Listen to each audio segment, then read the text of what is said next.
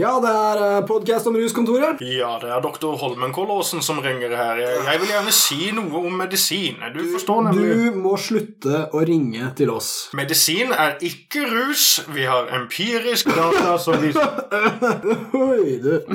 Har du, har du Kosilan, du, eller? Selvsagt, bare kom innom.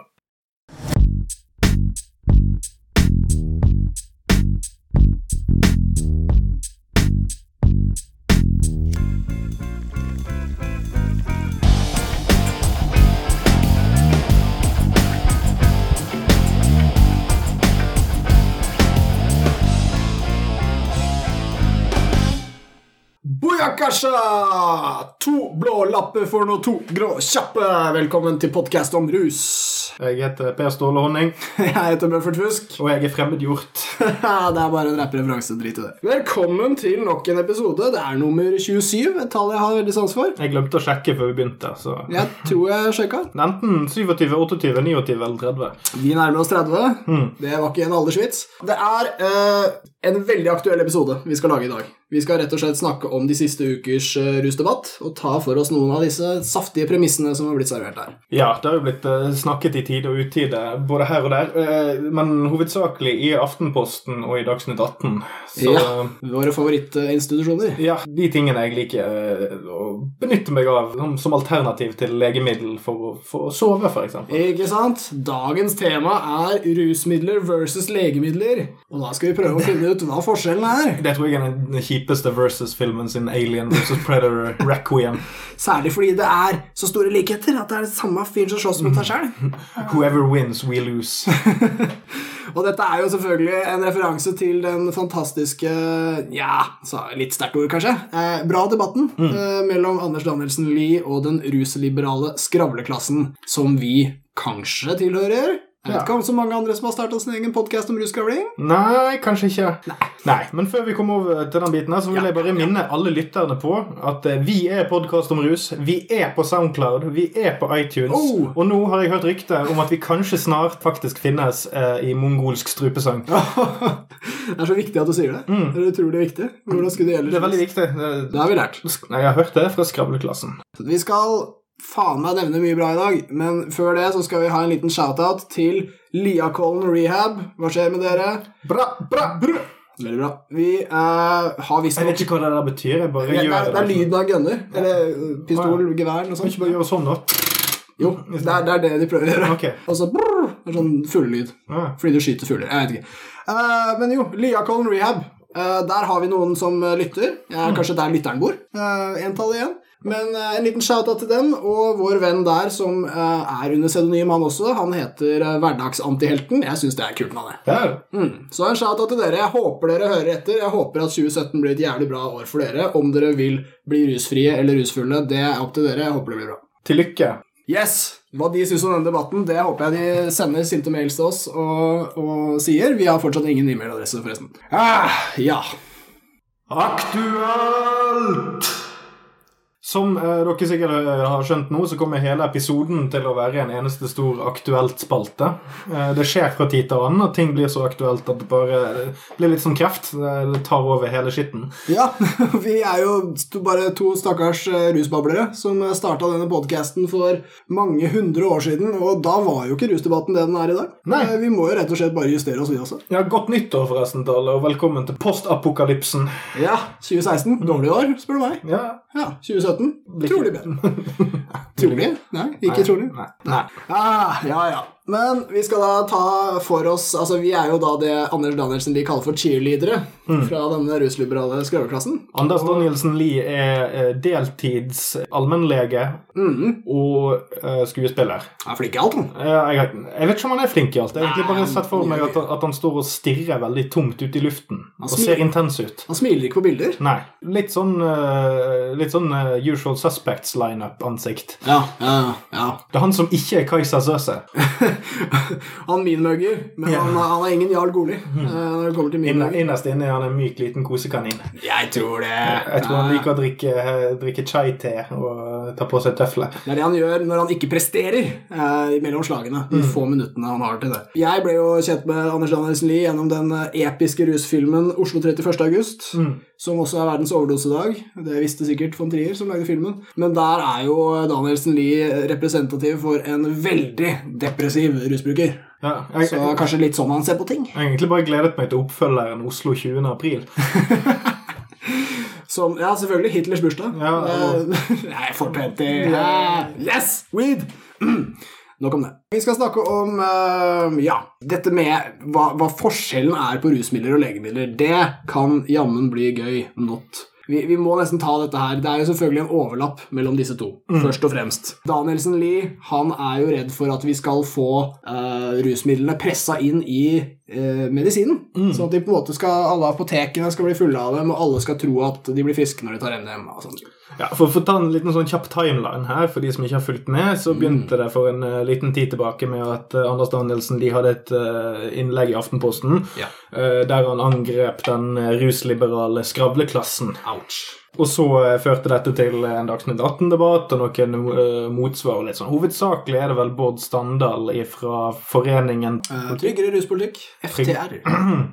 I Stand Corrected. Vi er fortsatt nye. Yes. Og uh, Aksel Braanen Sterri, som er kommentator i eh, Dagbladet. Stemmer. Det var vel de som var navngitt. Ja. Hovedpremisset her er jo Og det er litt interessant, for Danielsen Lie, som det kom fram eh, både i den, det første innlegget hans eh, og i eh, Dagsnytt 18, så var det at han er jo egentlig for legalisering av en del ting. Ja visst er han det. Men han er veldig skeptisk til det han kaller en heiagjeng, som står liksom og, og er veldig panegyriske, eller panegyrisk, eller hvordan du uttaler det på muntlig. Eh, Jokker, står det. Ja, Jokk, jokk.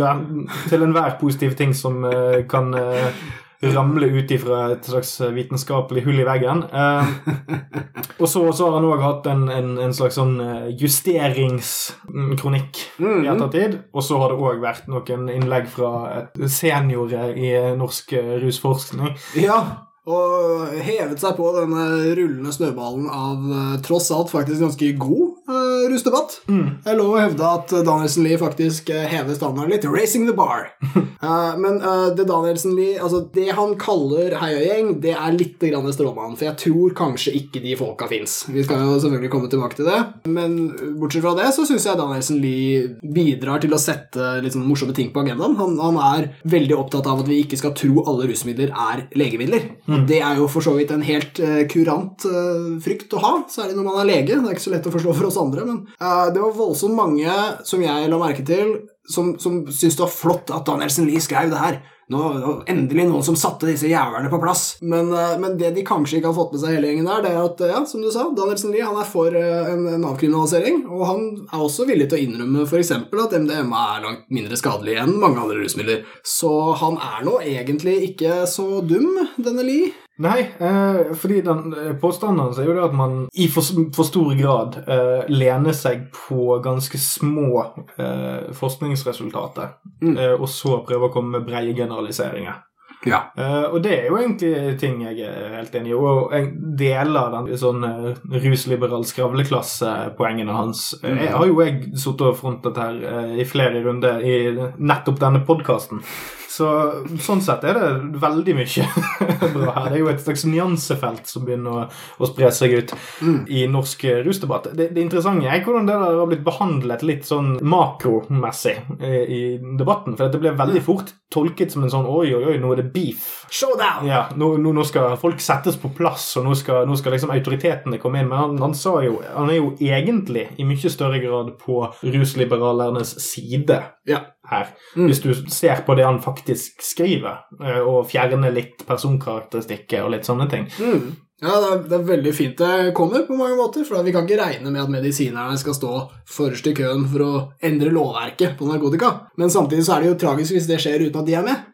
Og her er på en måte stemmen fra legebransjen, eller noe sånt. Så har vi jo Vål og Mørland, som også har hivd seg på. De har jo nylig skrevet en bok. Kan du fortelle meg eh, hvem Vål og Mørland er? Ja, altså Helge Vål er en uh, rusforsker, håper jeg gammel rusforsker. Han har jobbet med det kjempelenge. Han er ikke så gammel. Han er vel pensjonist, i hvert fall. Rundt der. Og han er fra Seraf, Senter for uh, uh, rus- og avhengighetsforskning. Det er vel òg en type erkeengel?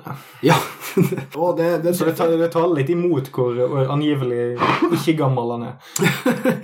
Den traff bedre enn jeg trodde òg. Eh, og så har vi da eh, godeste Jørg Mørland. Han er eh, leder for et institutt på Folkehelseinstituttet. Om det er for ja, rus og toksikologi, noe sånt. Men han er, han er mye brukt i rettssaler, hvor de f.eks. tar lappen fra cannabisbrukere og sånne ting. Der er Mørland ofte fagmannen som kommer inn og snakker om de negative aspektene som er potensialet ved rus. Og det er noe medisinerne ofte er glad i å trekke fram. Av, av alle ting man skal bruke eh, de siste årene av livet sitt på, så tror jeg det er å gå inn og ta lappen fra folk som røyker for mye tjall i helgene, ganske lavt nede på listen min, altså. Ja, så Ta dem i det minste når jeg steiner bak rattet, da, ikke når jeg steiner liksom kvelden før. Ja, Svær debatt.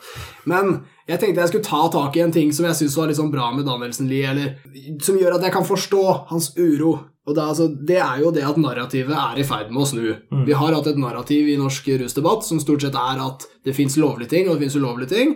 Og sånn skal det faen meg være, og det representerer forskjellige folk. Og den ene er skurk, og den andre er lovlydig, og sånn må det forbli til evig tid. Det er endret. Vi driver nå og prøver å finne en eller annen form for bedre politikk, tror jeg. Men ø, grunnen til at vi har kommet dit, det er fordi at vi har hatt globale bevegelser. Det er veldig mye som har skjedd med rus i verden, og særlig USA. Særlig cannabis i USA har blitt en sånn greie hvor medisin ble veien til rekreasjonell bruk. Så alle ble sjuke plutselig for å få tilgang. Og med det perspektivet der, det er jævlig amerikansk problem, by the way. Det kommer ikke til å skje i Norge. Her har vi ikke leger som er så, la oss si, fri, fritenkende når det kommer til penger, eh, som vi har i USA. Så vi får ikke det problemet her. Men det at medisin brukes som en inngangsdør for folk som egentlig bare liker å sitte og slappe av og kose seg etter jobb og sånn, det er det Danielsen Lie er bekymra for. Nå er ikke det en reell frykt, uh, verken i Norge eller med MDMA, som var fokus i hans tekst. MDMA kan ikke bruke spesielt ofte, f.eks.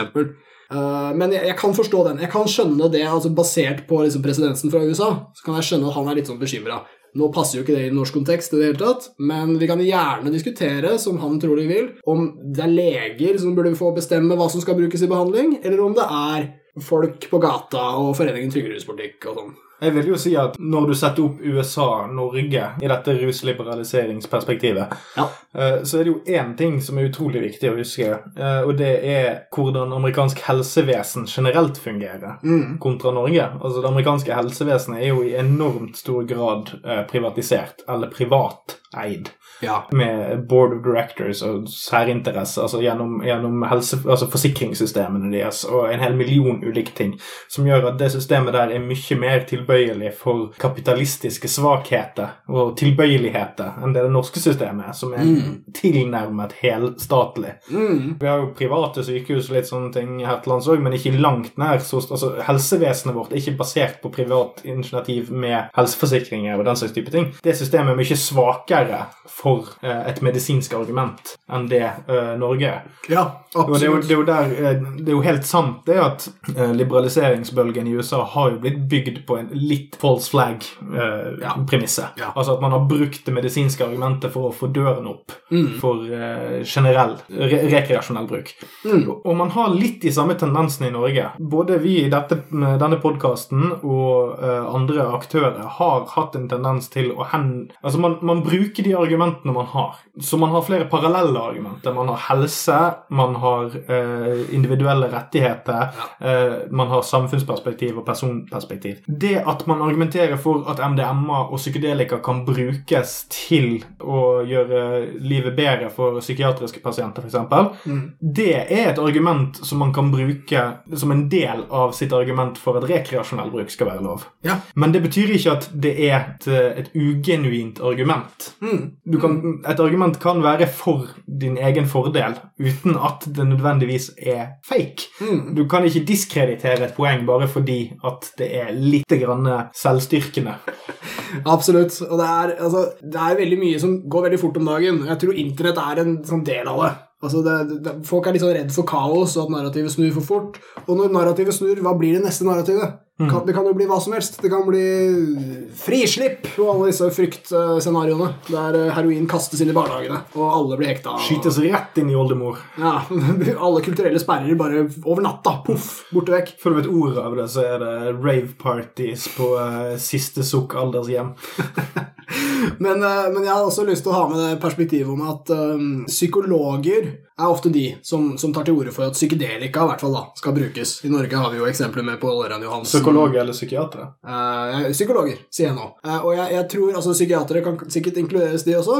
Men leger og psykologer er ikke alltid kompiser. Man får med at Psykiatere det er de som bruker medisiner. Da blir de litt mer kompis med legene. Men psykologer de bruker bare munnen sin. Japp, japp, japp. Eh, og så skal de liksom bli friske. Og så er det faglige på litt gyngende grunn. Vi trenger dem likevel, og all den historien der. Eh, men eh, vi må ha med det òg, da. At, at selv om vi av og til snakker om det som heter kurativ virkning Altså noen mennesker som tar MDMA og har problemer før, de blir kurert. Eh, Det er jo fantastisk, men det er veldig få. Og det vi heller har resultater av, disse tross alt ganske små studiene, eh, de burde definitivt vært større, gi dem penger, vi må finne ut av dette her, så er det snakk om å bruke MDMA i en terapeutisk setting. Så da er det altså en psykolog eller psykiater, hvem veit hva slags utdanning han har, eh, som gir MDMA til en pasient, og så sitter man og snakker etterpå. Og så er det da snakkingen som egentlig hjelper, mens MDMA er en slags verktøy for snakkingen. Så dette er egentlig Hvis det er legemiddel dette utgjør, så er det i så fall noe helt nytt innenfor legemiddelvirksomheten. Ja, og så bare For å korrigere litt det jeg sa rett i sted, så er det jo ikke det,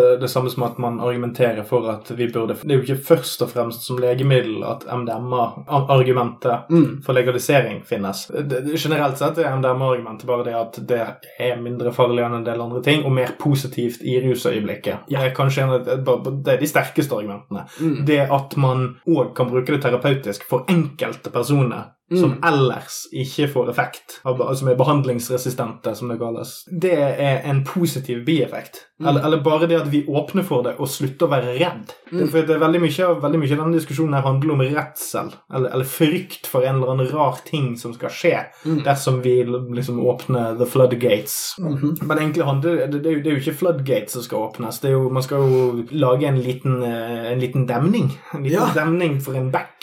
Ja, og, og, og, som går i et litt skogholt som er lite og søtt og ikke veldig fint, og kaniner går og gresser der. og- ja, og, og denne bekken er ny. Ja. skummel bekk. Det kan, være, det kan bli en elv som kommer når som helst. Vi, vi må rett og slett innse at den, den har kommet for å bli, og den er egentlig holdt på ganske lenge.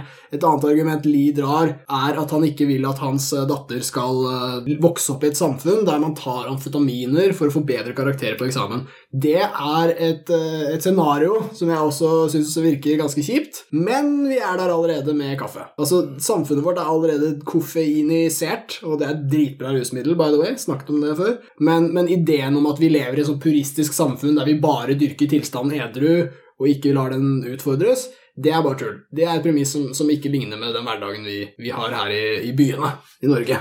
For her er folk faen meg på et eller annet hele tiden. Og, og det går stort sett bra, eh, men, men forskjellen på legemidler og rusmidler den kan være jævlig arbitrær. Det er ikke sikkert den egentlig fins. De overlapper såpass mye. Jeg kunne f.eks. tatt eksempler som dosering. Altså Hvis du bruker samme stoff til rusmiddel og legemiddel, så har man en tendens til at hvis du bruker sånn rusmiddel, så bruker du mye mer. Altså Amfetaminer brukes i medisinen, da tar de jævlig lite. Så bruker de sånn slow release-mekanismer, som du kan ta én amfetamindose og være på den i ti timer. Mens gatespeed-folk de snorter tre ganger så mye, så er de blæsta i en tredjedel av tiden. Ikke sant? Så det er, det er samme stoff, men, men er det det? Altså, ja, vi, vi kan virkelig diskutere, men, men forskjellene, at det er en vegg mellom definisjonene, det er bare å glemme. Bare å glemme. Og så er vel også en av de litt billigere retoriske grepene du kan kjøre. Så er det sånn Jeg vil ikke at min datter eller min sønn skal Det kan alle si om alt. Det er sånn, jeg vil ikke at min datter skal vokse opp i et samfunn der hun er nødt til å plukke opp sigarettsneiper. Etablerte folk tar eh, oppgjør med podcast-bølgen. Jeg vil ikke at min sønn skal sitte i en sokkelleilighet og spille inn podcast. Jeg vil ikke at min sønn skal hete Per Ståle og være fuckings udugelig. Jeg skjønner uroen, eh, men vi er der allerede. Mm. Ja, vi er det. Vi kan jo ta et eh, steg tilbake igjen og snakke om Heiagjengen. Ja, ja hvem er denne heiagjengen? Det er bare, bare før vi tar hvem, hvem de sikkert er, så vil jeg si at det som er en Problemet med Lee, Danielsen Lee sitt innlegg det er at det er en veldig sånn solid stråmann i det. Og det handler om at det fins noen som vil at det skal bli jævlig liberalt Mm. med drugs. At det fins på en måte en gjeng som står klar til å bare si godvilje til alt sammen. 'Å ja, heroin, ja, du dør av det sånn, men det kan være veldig bra også.' Den gjengen fins ikke. Det er ikke en gjennomgående holdning. Jeg tror nordmenn flest er innenfor den samme kulturelle ramma. vi er litt sånn... Jeg, jeg har i hvert fall ikke møtt de Altså, jeg er medlem av den rusliberale skravleklassen, og Lie skisserer at det fins krefter som vil gjøre sånn at flere bruker det, f.eks. Ja, har, ikke- har ikke møtt en eneste som syns det. Det ligger i hvert fall i- mellom linjene om man ikke sier det eksplisitt. Ja, Det er ikke sikkert han har sagt det. Men, Nei, men- men, men- sånn som med økt bruk, ingen vil det. Ja, men det er noe du kan ta tempen på et, på et avisinnlegg på, så er det på måten folk responderer på det. Og det er veldig ofte sånn at når, når man får inntrykk av at responsen er hovedsakelig Det var bra at noen satte de på plass. Ja, Da er det et tegn på at du ikke nødvendigvis har fått gehør for akkurat det du har lyst til å si. Ja. For da blir det veldig sånn Det var bra at noen eh, sto standhaftig mot havgapet mens sjøen Han ga seg ikke, men sjøen kom. Sant? Det, det, du får litt det inntrykket. Selv om det egentlig er sånn Ja, jeg mener egentlig at vi burde liberalisere narkotikalovgivningen, men vi trenger ikke å forherlige det så mye som jeg har inntrykk av at noen gjør, men som de kanskje ikke gjør allikevel. det var jo egentlig det han sa, sånn kort og godt. Mm. Og, de som er veldig mot rus, de, de kanskje de tolker hans innlegg som en slags Ja, der fikk de svi. Endelig noen som knuser den siden av debatten. Men det Danielsen Lie gjør, at han hever nivået på den, og rett og slett får oss til å snakke om det som er litt sånn viktig. Hva er egentlig rus? Hvordan burde det brukes? Sånn eller sånn. Hvordan blir den i ruspolitikken? Hvis vi kan lage akkurat den politikken vi vil, hvordan burde den se ut? Det er egentlig et veldig fint nivå å legge oss på. Jeg, jeg tror jeg så at uh, leder for Oslo-avdelingen til Norsk Narkotikapolitiforening, uh, Jan Erik Bresil, delte en av de artiklene eh, på et sosialt medium. Så det, det er jo et tegn på at det er ikke alle som leser like nøye etter før de begynner å hive seg på en heiagjeng på den andre siden, da. Danielsen Lie. det, der vil jeg gjerne si en generell ting til hele rusdebatten. Og det, dette er irriterende at uh, tante Mina og andre representanter kom på denne ballen her først. Fordi de bruker Tante masse Mina Gerhardsen, Ja. eh, leder i Aktis. det stemmer, takk. Eh, fordi de bruker en hel haug med, med typ eh, hersketeknikker knytta til det, om at ja, vi må ha en veldig fair rusdebatt, og så er de selv ufair. Men det er veldig sant at vi kan ikke ha denne oss mot dem-tankegangen. Nei, nei. Enten er du for alle drugs eller mot alle drugs. Dette er helt crazy, og det skjer også på vår side av debatten, og jeg vil gjerne ta til ordet mot det. Én ting er selvfølgelig personangrep, og at han ene Aktis-fyren fikk hasj tilsendt i posten av en eller annen uh, fyr som hater han, eller noe. Altså, det, det går jo faen ikke an. Det har ikke jeg hørt om. Ja, nei, det, er, det er noen gærninger der ute på la oss si, vår side av debatten. Da. Og, og de må Ikke send hasj i posten. Det er veldig uøkonomisk. han, han, han hadde barn, og den, det ble funnet, så det ble en barnevernssak. Altså, da får de, ja, de får smake sin egen medisin, og det er for strenge straffer på hasj og sånn, men, who gives a shit? Altså, du kan ikke ramme folk personlig sånn som det. Jeg vil gjerne komme med et skikkelig hippie-budskap, for det er vi som er hippiene i denne debatten. Så la meg være Gandhi og si at når vi krangler med selvaktig sass... Ass selv erkefiendene våre i gode, gamle rus... eh, Altså avholdsfolkets landsorganisasjon, så er det ikke monstre vi diskuterer mot. Vi diskuterer mot potensielle allierte. Potensielle venner. Og, og kanskje ikke bestevenner. Kanskje ikke trenger å klemme dem eller ta på kroppene deres i det hele tatt. Men vi kan bli enige. Vi kan finne en felles vei. Og det å da late som at vi slåss mot monstre som bare fins der ute Da må vi huske at de fins inni oss også, og ikke minst inni denne siden av vår sak, som er rusfolk. Der er det mye gærninger. Ja, for jeg, jeg har mer inntrykk av at på rusliberalistsiden så er det flere gærninger på supportersiden enn den gjengen som uh, Danielsen Lie utpekte. Ja, det tror jeg er begge sider, altså. Ja, ja. Det, det er flere gærninger som er i galleriet og heier, enn det er av de som deltar offentlig. Det er faen meg likt på begge sider. Fordi om det er en sånn reality check jeg har kjent på som sånn uh, rusliberaler, om, om jeg egentlig har lyst til å kalle meg det, så er det det å gå inn på en gitt russak, spesielt på NRK, og så gå og scrolle ned til eh, kommentarfeltet. Fordi at Vanligvis når jeg scroller ned til kommentarfeltet i en eller annen sak, om det er om innvandring eller whatever, så er det bare gærninger som spyr ut fascisme og rasisme og sinnssyke holdninger. Eh, men i russaker så, så jeg kjenner jeg at å ja, her er det jo stort sett folk som er enige med meg, men de sier ting på en motbydelig drittmåte. Og så sitter jeg og tenker er jeg på rett side av saken nå? Hmm, må bare gjøre litt Ja, jeg er fremdeles på rett side av saken, men jeg liker faen ikke det han her er Hasj Gudmund 44 får seg til å si. Sant? Altså, det er sånn, ikke send hasj i posten til folk! Nei. Din jævla kuk! Hvor fuckings idiot må du være? Ja, ikke sant? Og, og, ja, og bare husk den sosiale dimensjonen, da. At det er snakk om mennesker, dette her, og at det, det, samarbeid er det som gjør at politikk f.eks. endrer seg. Ikke sant? Altså, Hvis ingen er fuckings enig, og det er harde fronter, så får vi ikke bytta politikk. Vi får faen ikke endra på den jævlig restriktive ruspolitikken som gjør at vi må kalle oss rusliberale, fordi det går jo faen ikke an å være noe annet. Nei, jeg er Altså, ikke er ruskonservativ. Det. Det det er jo normen som vi slåss mot. Altså, det, Jeg vil herved uh, lansere et nytt begrep. Uh, rusegalitær. Rusegalitær. Føler du at du er det? Ja, Ja. det føler jeg. Det føler jeg vi er. Ingen definisjon på egalitær. Det får du søke om sjæl, det lytter. Nei, men- Fordi jeg ikke husker den. Bare for å ta akkurat den påstanden. Heiagjeng, hva er det vi legger i det? Jo, jo, det er at du står og heier uansett hva empirien sier. Det blir blir liksom det galleriet du snakket Ja. om, da. Heia. ja. Men her er jo anklagen mot en, en gruppe med folk, deriblant Aksel Brun, Sterri og Bård Standard, Ja. som vi har nevnt et par ganger nå denne sendingen. Mm. Uh, det, det jeg syns er litt interessant med den anklagen, det er at den, den sier egentlig ikke så veldig mye om hva de faktisk gjør. Det sier mer om et slags inntrykk man sitter igjen med. Ja. Uh, og, og anklagen er jo at man, man overdriver eh, funn, og at man i altfor stor grad eh, eh, feier de negative sidene under teppet. Mm. Noe jeg er tilbøyelig til å være enig med i enkelte tilfeller. Men eh, det interessante her er at jeg tror ikke det er en ting som det norske folk nødvendigvis sitter igjen med en følelse av. Hvis de gjør det, så er det fremdeles et veldig disproporsjonalt maktforhold her. Mm. Fordi det Ja. er ikke mer enn kanskje maks fire-fem stykk i norsk presse Mm. som sitter og snakker og skriver om disse tingene her regelmessig. Mm. Det Ina Roll Spinager og Sterri og Standal, par stykker i eh, vår sponsor eh, halvveisaktige eh, relasjonspartner natt og dag. Heterofil life partner er vel det korrekt, politisk korrekte begrepet.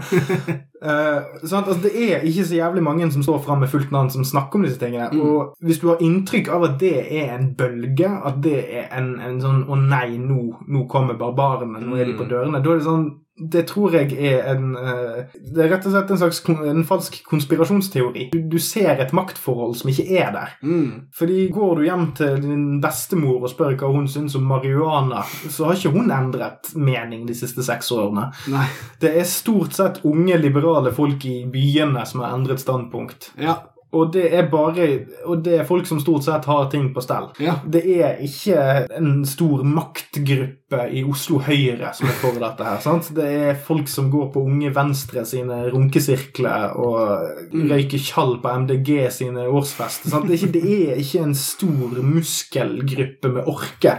Nei, det er visst. Og, og et av kjerneargumentene til Danielsen Lie også, det er at disse studiene refereres til med, med en veldig sterk godvilje, noe han kanskje har veldig rett i, da.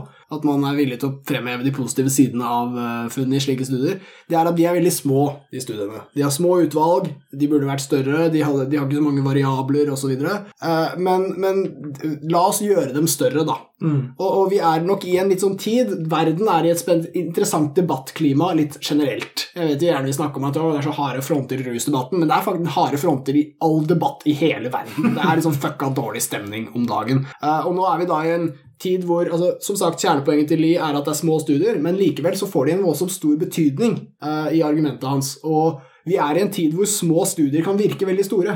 Altså Små bevegelser virker som en svær greie. Og det er jo en bekreftelse på det som er vårt kjernepoeng her i dag, og det er at narrativet enten er i ferd med, eller trolig allerede, har snudd.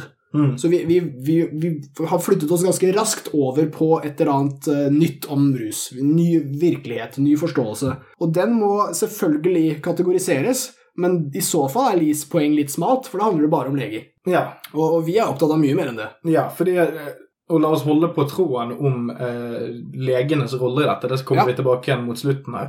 Eh, men rusdebatten er ikke endret permanent, eller vi, vi, vi går ikke inn i en endringsperiode før nesten alle er enige om hva vi snakker om. Og vi er jo ikke i nærheten av det ennå, men det har vært en endring i narrativ Mm. som du sier, på grunn av at nå går debatten generelt mer inn mot nyanse. Mm. Eh, mindre steile fronter, men sånn Hva er det egentlig vi snakker om? Ja. Det har tatt jævlig lang tid å komme bare til Ja, men når du sier at folk burde få lov til å røyke hasj, hva mener du egentlig? Mm. Det er bare at man får lov til å ta tre minutter og forklare det i, i en avis eller i et radioprogram, Ja. er en positiv endring. Yes. Men det er, det er den positive endringen som har skjedd. Og det tar flere tiår før det har sementert seg i befolkningen. At Ja. alle er informert nok. Og dette er en presseetisk ting. Ja, ja, visst er det det. Det, er rett og slett det at pressen nå har innsett, enten de er for eller imot narkotikaliberalisering Mm. eller legalisering,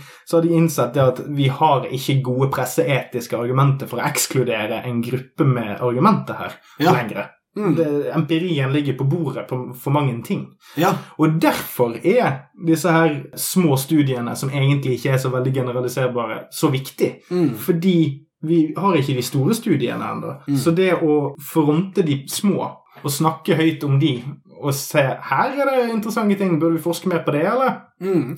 Det kan åpne for at vi kan få mer informasjon, sånn at vi kan ta bedre valg angående ruspolitikk i fremtiden. Ja. For å få større studie, bedre studie, flere metastudier, alt det der. Ja. Så uavhengig av hva studiene faktisk konkluderer med, så er det sånn det å henvise til dem, snakke om dem, Mm. få spalteplass, det er viktig. Ja. Uansett hvor vi går, så er dette et steg på veien. Og så må vi uansett huske hvor vi kommer fra. Altså, nå har vi allerede overbrukt ordet Husk hvor du kommer fra, Ja, husk det, de. Ble født i en grøft. Jeg har allerede overbrukt begrepet narrativ, men hvis vi tar da, altså premissene for, for rusdebatt uh, vi, For det første har vi ikke hatt én. Uh, vi har også hatt helt duste begreper. Vi har liksom hatt alkohol så i en sånn egen uh, særposisjon. Så har vi hatt tullebegrepet narkotika, som betyr de forbudte. på en måte. Og så har vi aldri snakket ordentlig om det her. Vi har aldri snakka med barna våre, akkurat som jeg har noen, eh, om, om Har ikke det! Ikke kom, barnevernet. Eh, Lille Mary Jane. Lille Marianne. Eh, men vi har liksom aldri snakket om hva det er, og nå, så med en gang vi da eh, går bort fra det gamle, som, som var som sagt mangelfullt, så går vi inn i noe nytt. Og da er det sånn Hva er et rusmiddel? Hva er, er det noe som eh, folk tar, så blir de glade, da? Altså For før så trodde vi alle som tok det, ble, ble liksom triste og lei seg og sånn, men nå ser det ut til at folk blir glade. Det er jo dritskummelt. Og det Li prøver å si, er at vel, det er i hvert fall ikke medisin. Altså, Rus er sikkert mange rare ting. Ja, ja, ha det gøy på byen, dere, hele gjengen. Men faen ikke medisin. Ikke press det inn på apotekene våre. Ikke press det inn i behandlingsformene våre. Ikke få oss til å skrive det ut når vi ikke vil. Og sånne ting. Og der må jeg bare si at det er helt i orden, uh, kjære Li. Jeg tror de aller fleste ikke er uh, tenker så mye på den formen for bruk. Altså, Det er et viktig argument om potensialet til visse rusmidler, at de kan brukes for å gi folk et bedre liv, men rammen det skjer i, er stort sett rekreasjonell. Stort sett ikke-medisinsk. Så, så husk det her, da. Altså, de fleste hvis, hvis debatten bare var sjuke folk som hadde lyst til å ta Emma så de kunne bli friske, da burde den debatten vært jævlig mye kortere. Mens egentlig så handler jo dette om en hel haug med folk som uh, er hypp på mer enn alkohol. Uh, som det var glimrende tilsvaret til i 'Han har ikke omsorg for andre' enn de som, drikker, eh, de som vil ha noe annet enn alkohol. Men bare for å rappe det opp uh, Danielsen Lie er redd for at vi skal få MDMA inn på apotekene, inn i reseptordninger, sånne ting. Altså, min side av debatten er ikke om å få det inn på apoteket. Min side av debatten handler stort sett om å få det inn på Vinmonopolet. Ja. Uh, og gjerne, gjerne med restriksjoner, eller sånt, men at du skal være sjuk for å få tak i det? Nei. Nei, det ble for dumt. Ja, vet du hva. Så, uh, og der er Li uh, redelig nok til å si at vi burde avkriminalisere. Altså Mm. at den ruspolitikken vi har, er ikke, er ikke bra nok. Så der, han vet hva rusmidler er. Han uh, mener ikke det er det samme som legemidler. Uh, det kan hende. Jeg har ikke studert medisin. Han vet mer enn meg om det. Men jeg vet mer om han om rusmidler.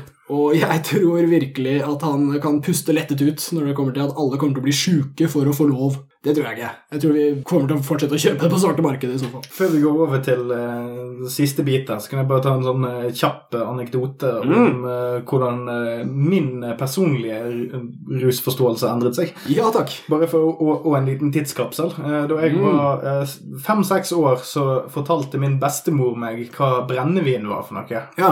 Og, og det var jo et veldig rart ord for meg, for jeg visste hva vin var, men hva er brennevin? Er vin som Du kan tenne på det. Ja.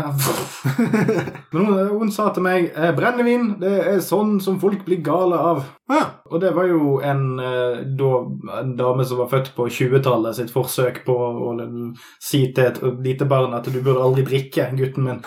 Eh, Ja, ja. Men det sier litt om hennes forhold til rusmidler fra sin ungdom og måten man har omgått det på. Ja, Jeg vil jo si at vi har gjort et fremskritt. ja, ja. Så da må jo vårt neste mål være at eh, våre foreldre, før de blir bestemødre og fedre, eller i hvert fall før de er gamle nok til å oppdra noen, Mm. ikke sier at uh, det er sånn som folk blir gale av når eh, barnebarnet kommer og spør hva hasj er for noe. Ja, please! Altså, Vi må ha en litt smartere jævla dialog om det der. Men det er kult å nevne alkohol som eksempel også, fordi vi tar disse definisjonene, da. At liksom uh, rusmiddel, legemiddel. Alkohol har vært begge. Uh, er i dag rusmiddel primært. Uh, brukes jo, vi kan jo si antibac og sånn dritt, da, greit. Men tidligere i medisinsk historie så var jo alkohol bedøvelse. Eh, antidepressiva det, var, det ble brukt til det det funka til når vi mangla alternativer. Og der vil jeg slenge på et tredje middel òg. Rus, legemiddel og løsemiddel.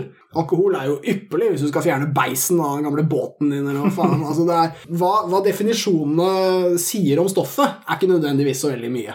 Det kommer an på måten det brukes, det kommer an på øh, konsentrasjon, dosering og ja, så jævlig mye annet. Så, så det, det at vi har sånne båser, rusmiddel og legemiddel, er ikke det samme. Det, det, det argumentet der, det sliter, altså. Og så, bare for å segwaye videre, fordi altså Danielsen Lie er jo som kjent eh, mer vår venn enn fiende. Det vil jeg si. Jeg vil gjerne ha han med på laget. Potensiell alliert. Lukter det her. Ikke noe fiende, ikke noe mer monster enn jeg er, i hvert fall. Men han hopper jo bukk over eh, årsaken til at veldig mange i denne rusliberale skravleklassen vil endre lovverket, og det er strafferegimet. Det å straffe mennesker for rus er en del av den der preventive pakka, at folk skal skjønne at det er gærent. Men straff hjelper ikke. Straff ødelegger, og det forverrer problemer. Og legemiddelloven i Norge, den får du straff for å bryte. Der har vi helt klassiske juridiske rammer, akkurat som vi har for narkotikafeltet. Men narkotikafeltet har høyere strafferammer enn legemidler. Så, så her er det liksom, eh, snakk om en kategorisering der det fins noen stoffer som ikke egentlig får innpass i medisin. Det er et par unntak med morfinpreparater og sånne ting. Men, men hvis du bryter det, så får du mer straff hvis ikke du hadde et medisinsk alibi.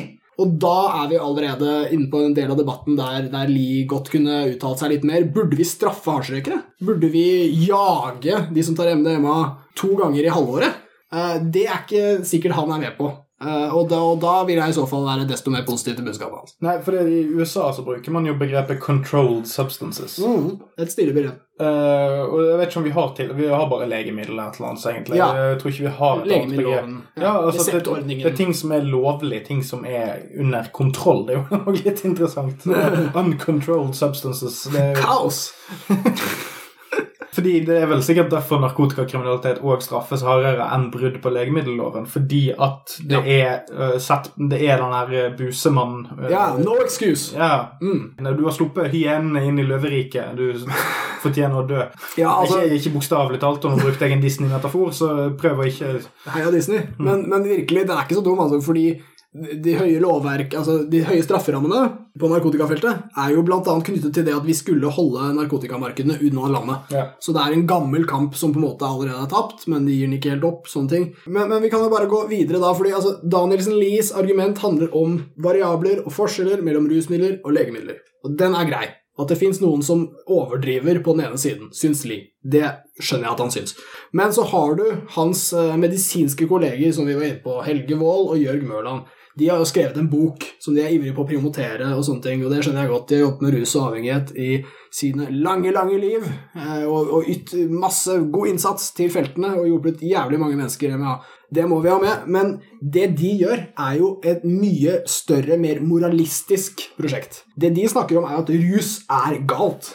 Altså at vi burde ha minst mulig rus i samfunnet, så har vi det bedre. De vil jo faktisk, altså de, de påstår jo faktisk, og nå parafraserer jeg noe jævlig her, men jo mer drugs, jo mindre lykke. Altså, Jo mer en rusmidler en person inntar, jo mindre lykkelig vil han være over tid. Og det her er et underlig premiss. Dette er en det er, Jeg er ikke så veldig overrasket over at de som sier dette, er gamle. Sorry, ass. Men det som endret dette premisset, det var internett. Og de gamle er ikke så rå på det. det er, jeg er veldig, ikke overrasket over at jeg er rundt pensjonsalder, begge to. Det med at du får mindre lykke jo mer rusmidler du tar, der vil jeg gjerne f.eks.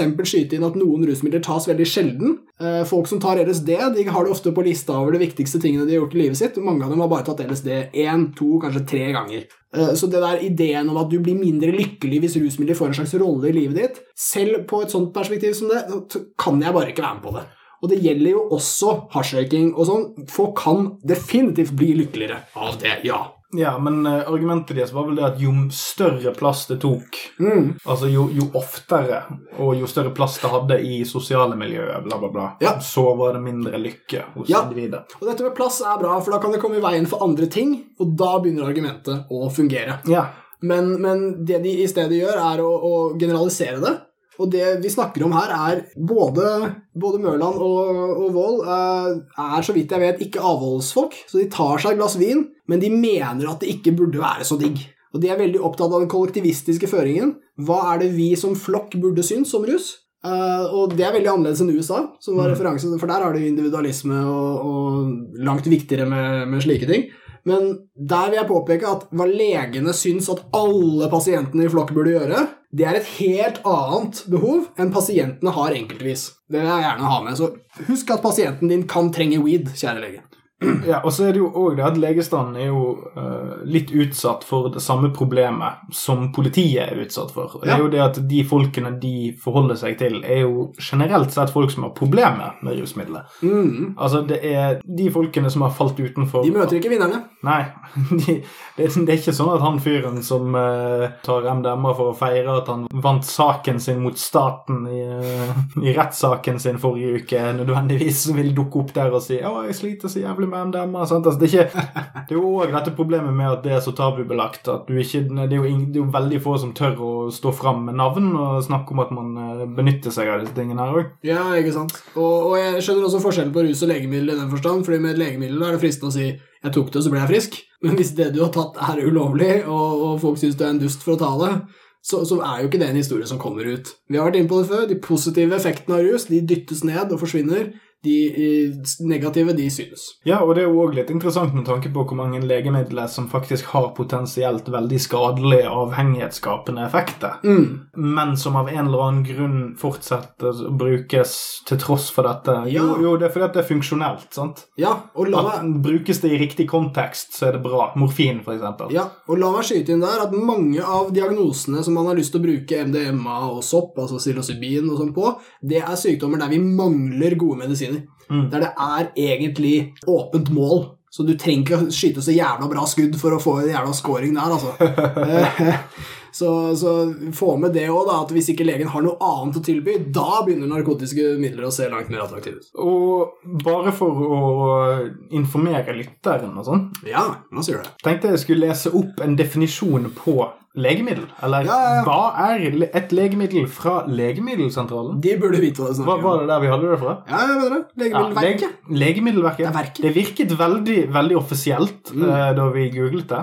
Gjort research her, ja. Og nå skal jeg passe på. nå. Jeg, jeg har en mistanke om at det kommer til å høres ut som han der hoffreporteren til TV 2 Nyhetskanalen. når jeg leser dette opp. Håper det. Et legemiddel er ethvert stoff, droge eller preparat som 1. utgis for å være egnet til å forebygge, lege eller lindre sykdom, sykdomssymptomer eller smerter, eller påvirke fysiologiske funksjoner hos mennesker eller dyr. Eller 2. Hmm. Kan anvendes eller gis til mennesker eller dyr for å gjenopprette, endre eller påvirke fysiologiske funksjoner gjennom et farmakologisk, immunologisk eller metabolsk virkning, eller for å påvise sykdom. Dæven. Det er en e- helt egen ramme, det der, ja. Ja, Det er det. det er en helt egen Den ramme. er bred og vid. Ja, selvfølgelig er jo da folk redd for en, et, noe som folk påstår er et legemiddel som først og fremst har vært kjent som et rusmiddel. Altså det at det først er et rusmiddel, og så blir brukt som et legemiddel, er jo skummelt for legestanden. Mm, mm. Fordi at det, det kommer med et For dette er jo egentlig en Og nå skal jeg passe på sånn at jeg ikke blir altfor liberal humaniora-gjøk her. Men dette er jo fuckings relative termer. Ja, det er det.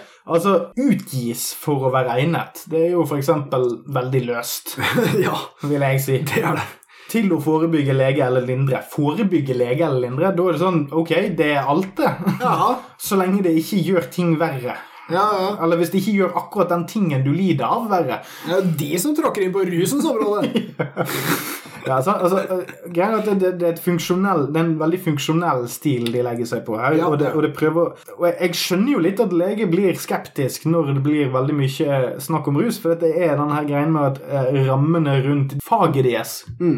blir innskrenket. For plutselig så, så begynner folk sjøl å tenke på hva er det jeg har lyst til å gjøre med min kropp, hva er det jeg føler jeg bør gjøre, Ja. eller ikke gjøre. Um, og det er ikke en anklage til lege eller si at de har en eller annen slags konspirasjon seg imellom, eller noe sånt piss. Det er ikke det, men at eh, legestanden er egentlig en veldig vitenskapelig, et, et veldig vitenskapelig yrke. Altså, de har all empiri på sin side, Ja. men som egentlig så å si alle menneskelige yrker, så er det fremdeles altså all, all etikk, all moral, altså alt som utarbeides, er egentlig bare en stor debatt, en stor diskusjon. Altså, du, du, du kan påvise så mye du vil at antistoffer gjør disse tingene, og at uh, cellegift gjør disse tingene, men etikken rundt hvordan du anvender det, det er egentlig bare et, et spørsmål om debatt, Ja. og hva samfunnet mener. Mm. Så det å skulle være veldig, veldig imot en ting som kan hjelpe en gruppe med folk som ikke lar seg hjelpe av x antall andre ting, Ja. det blir veldig uforståelig i den Ja, ja. settingen. For det er åpent for diskusjon, og det er noe du kan diskutere som eh, fuckings eh, betonglegger med en lege dersom du har argumentene på plass. Det er ikke noe du trenger en legemiddelutdannelse for, egentlig. Nei, akkurat. Og jeg, jeg Og det synes- høres breialt ut, men jeg mener dette. Ja, det, det er et jævlig godt poeng. Og det er, det, det er påfallende hvor sentralt språklig definisjon er for deres poeng. Og jeg vil gjerne ta et eksempel for hvor jeg er komplett uenig, altså trolig vi, fordi det er en ramme for podkasten vår, eh, med Wold og Mørland. Fordi de hadde et poeng i sin eh, kronikk i Aftenposten hvor de hang seg på i den samme debatten som vi nå refererer til. Og det var at eh, de skrev at nytelsesmidler er på en måte noe annet enn rusmidler. De skrev at eh, de, de midlene som ikke lager så mye plager, avhengighet, bivirkninger etc., st store effekter, det er nytelsesmidler. Og jeg er sikker på at de mener koffein, nikotin, altså milde ting, noe sånt. Men i min verden så fins det ingen eh, språklig forskjell på begrepene rus og nytelse. Nei. Eh, Så for meg er det helt absurd å dele altså Rus er noe alvorlig, og nytelse er noe koselig og noe lett. Uh, For meg er det same shit. Alt er digg og pleasure. Alt er digg and pleasure, så sjekk min feed. Det, er, uh, det er veldig vanskelig for meg å si hva forskjellen på rus og nytelse er. Og jeg skjønner at man har behov for noe, noe, noe, eh, et mellomstadie. Kanskje noe som er på veien til rusmiddel. Noe funksjonelt. Ja, men det det egentlig vitner om, det er at de ser på rus som noe voldsomt negativt. At de ser på rus som noe som er farlig for mennesker. Og jeg lever jo med denne rusdefinisjonen, som er i denne podcasten også, om at rus og glede nevrologisk sett bare er det samme. Og det går an å fake det med rusmidler, jukse litt, men det går også an å oppnå det med liksom, sunt liv, trening, mat, sex, alt det der. Så det å, det å skille det sånn som de gjør, det vitner om at de selv slåss mot et onde. Slåss mot et eller annet som, som et premiss jeg ikke gjenkjenner i det hele tatt. Så, så ja, jeg må bare si det. altså, Nytelsesmidler er rusmidler.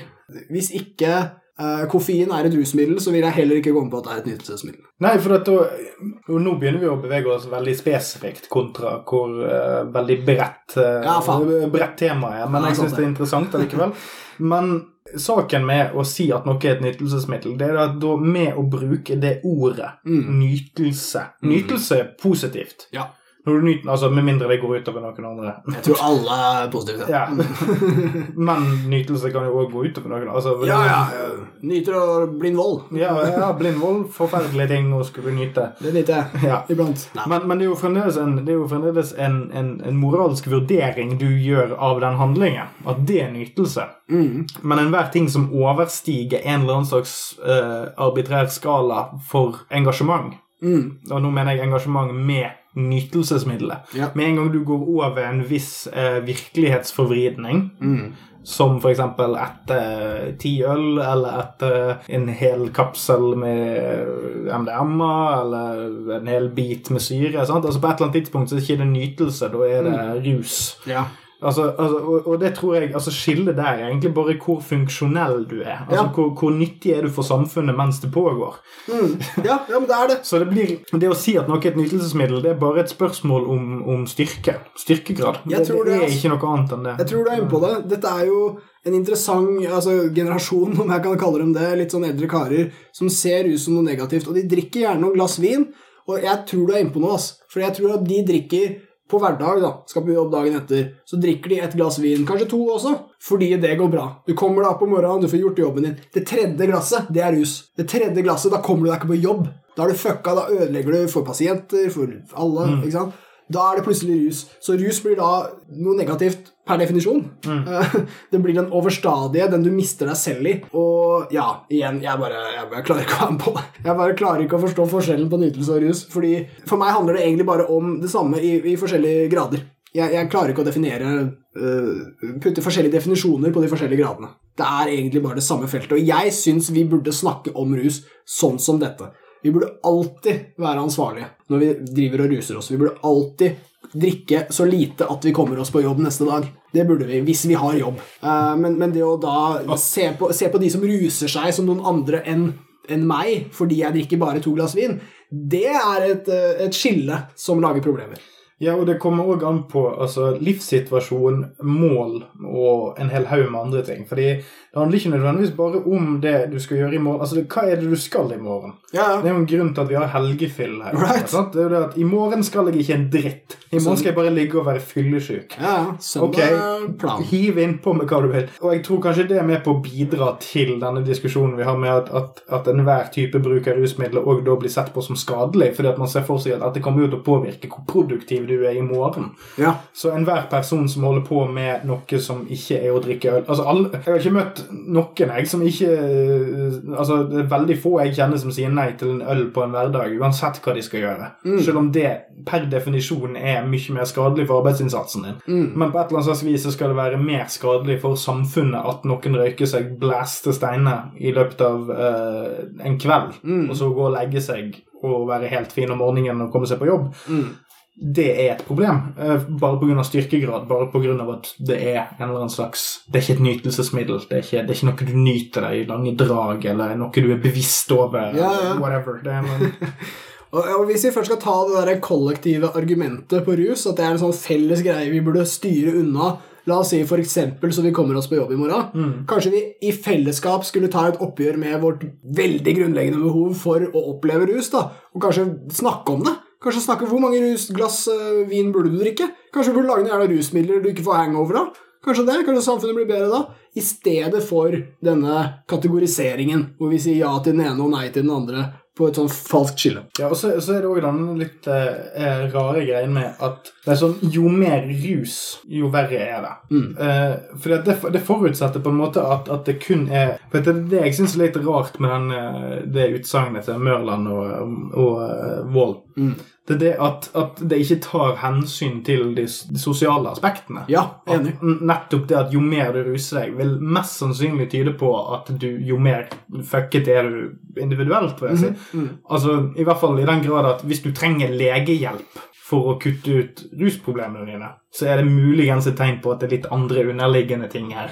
Mm. Kanskje det at du ikke har jobb, kanskje det at du er sosialt utstøtt fordi at du ruser deg. Altså, sånn, alle, alle disse nyansene som vi ikke, slipp, som ikke slipper til av at vi har folk som Wall og Mørland som gi, fremdeles gir legitimitet til argumentet om at rusbrukere er fillefranse og noksakte og nolduser som trenger hjelp.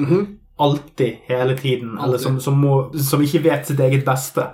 Nå motsier jeg meg sikkert litt her, men, men det. Nei, nei, men det er denne tanken om at den generasjonen med, med, med, forskere og leger har en tendens til å bekrefte sine egne, Mm. egne teoremer på, på et snedig vis. Eh, og jeg, eh, jeg gleder meg til vi kan slutte å snakke om det. Ja, jeg er enig som bare faen. Og jeg, altså, nå- glir det her trolig over til en slags uh, konkluderende del av sendinga, men uh, vi må i fellesskap finne ut hva faen vi skal gjøre med denne rusgreia. Og mer av det samme er det jeg tolker disse Jørge Mørland og Helge Wold sitt innlegg for. At vi må fortsette med det vi alltid har gjort. Jeg er selvsagt voldsomt uenig i det. Men jeg vil også ta med en, en, det jeg oppfatter som liksom denne debattens store uh, jeg, jeg, pleier å si vindmølle, uh, men egentlig mener jeg stråmann. Der har vi det. Og det er at i denne rusliberale skravleklassen så, så fins det en eller annen slags vilje om frislipp eller noe sånt. da. Vi representerer et eller annet slags onde om at vi kan, vi kan gå for langt med dette her. Men Og det kan vi. Det er jo greit. ja, å du verden som vi kan det. Når narrativet løsner, hvem faen veit hva som vil skje? Men så bor vi da i Norge, da. Ikke sant? Og det er derfor det blir dumt å dra inn sånne amerikanske markedsgreier og alt det der, som du var inne på. Vårt legevesen helt annerledes. Men nordmenn flest vil ha streng regulering. Og jeg syns vi nå er på det punktet i rusdebatten hvor vi kan ta dette. Narrativet har snudd, så nå må vi finne et nytt narrativ. Nå må vi finne det, og det bør vi helst gjøre i fellesskap. Jeg vil gjerne ha legene med på dette her. Men som vi har vært inne på 14 millioner ganger i denne podcasten, så fins det egentlig fire forskjellige former for ruspolitikk. Og det fins, jeg tar fra venstre til høyre, totalt frislipp. Rett inn i åren på barnehagen. Bare friere enn sukker, bare overalt, liksom.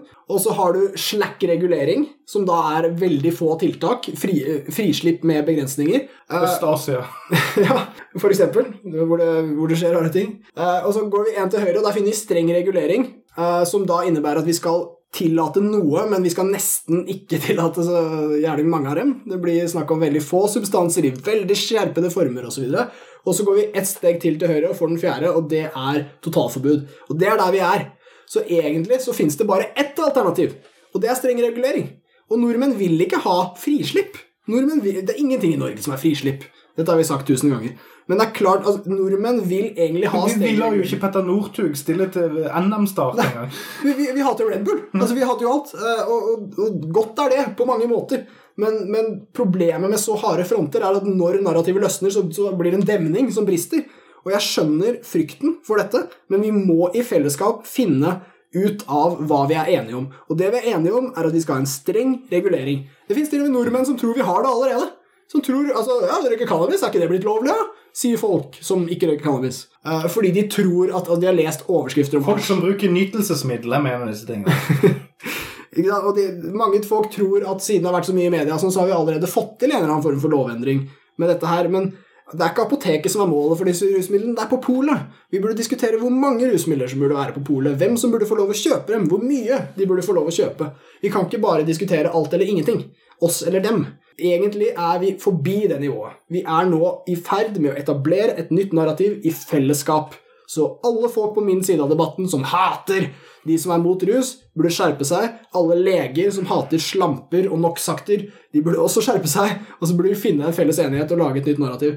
Fordi vi er så fuckings enige egentlig, ass. Egentlig så vil vi at rus skal ta lite plass i samfunnet. Vi vil ikke at barna våre skal begynne for tidlig eller ta for mye. Vi er fuckings enige, så hva gjør vi da? Hvilke ting putter vi på polet da, Mørland? Hæ? Vål, hvor mye hasj burde jeg få lov å kjøpe? Nå virker det som du trenger en avrusning her. Ja, jeg gjør det. Avrusning! Ja, altså Min oppfordring sånn generelt vil jo som avrusningsperspektiv er å ikke være han fyren som driver og sender hasj i posten til folk. da. Ikke gjør det, ass. God. Bytt ut hasj i den, eh, i, den handlingen der med en hvilken som helst annen ting. Jeg sender barneporno i Ja. posten til, Gift. til, til, Riksadvokaten. Gift og våpen og ja, ah, Jeg sender nei. miltbrann til Legemiddelsentralen. Jeg, jeg vet ikke hvem som gjorde det, hvem som kan ha trodd at det medførte noe form for godt utfall. Men nei. Uh, ja, vi har vært gjennom mye i dag. Danielsen Lie, rusliberal skravlekasse, aka oss. Jeg liker at vi har vekslet mellom å si skravleklasse og skravlekasse. Det, det er talefeil som er årsaken til det. Sånn så.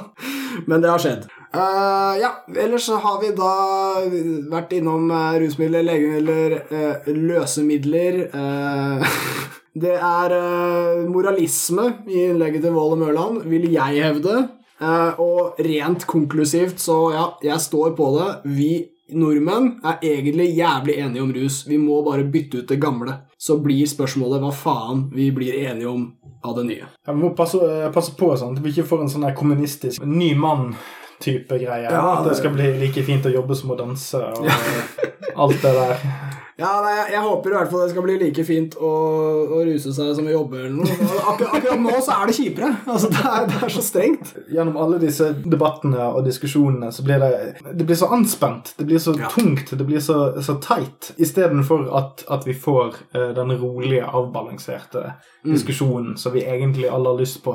Så det er sånn jeg tror det er viktig, og det er spesielt det går ut til den Ikke til heiagjengen i, i Anders Danielsen Lie-innlegget, men bare min lille pointer vil gå ut til heiagjengen sånn generelt på vår side av diskusjonen. Og vi har vært innom det flere ganger. Ja. Oppfør dere, for fuck's sake! Slutt! Ja. Vær, vær greie. Kjør argumentet. Ikke begynn å si sånn Å ja, øh, har ikke du lest empiri, frøken idiot, når du diskuterer med folk på internett? Slutt. Bare, bare, bare anta at du møter et annet menneske i denne diskusjonen. der. ja. Jeg, jeg er lei av det. Vår side av debatten pleide å være lavmælte hippier som la ut altfor mye tekst uh, hver gang noen sa noe dumt. Eh, men, men, men stort sett passive, stort sett ikke aggressive. Og med en gang vi får litt vann på mølla, så dukker det opp denne klassen av ja, heiagjeng, eh, galleriet, som rett og slett overdriver og blir aggressive. Vi kan ikke ha det her nå. Det er akkurat nå vi trenger den kollektive samlegreia. Vi er nå blitt enige om at det gamle var dårlig. Så hva gjør vi da, folkens? Vi får det ikke til med to gjenger. Det blir hippiebudskap, ass. Det, blir, det fins ikke noe dem, og det fins ikke noe oss. Det fins bare vi. Det er bare vi. Færre vattnisse i norsk eh, rusliberalisme. Ja, monstrene er ikke der ute, de er her inne. Egalitær ruspolitikk til alle. Men vi har, eh, vi har naila det. Vi er ikke for frihasj, vi er for flathasj over hele linjen. Vi er bare for en eller annen hasj. En hasj. En hasj. En hasj. Men ikke røykte. Jo da. Nei da. Takk for oss.